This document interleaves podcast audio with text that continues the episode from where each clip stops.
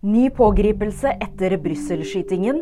Meteorologer med klar advarsel, og derfor avlyses årets Europe Music Awards. En person er pågrepet etter skytingen i Brussel mandag. To svenske fotballsupportere ble skutt og drept da de var på vei til EM-kvalikkampen mellom Sverige og Belgia.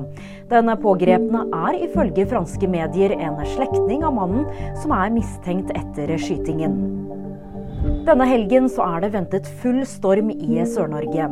Meteorologene venter kraftigste vindkast på ti år flere steder.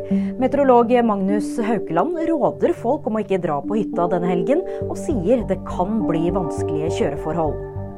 MTV avlyser Europe Music Awards. Musikkanalen viser til den pågående krigen mellom Hamas og Israel, og skriver i en uttalelse at det ikke er øyeblikket for en global feiring. Det var VG nyheter, og de fikk du av meg, Julie Trane.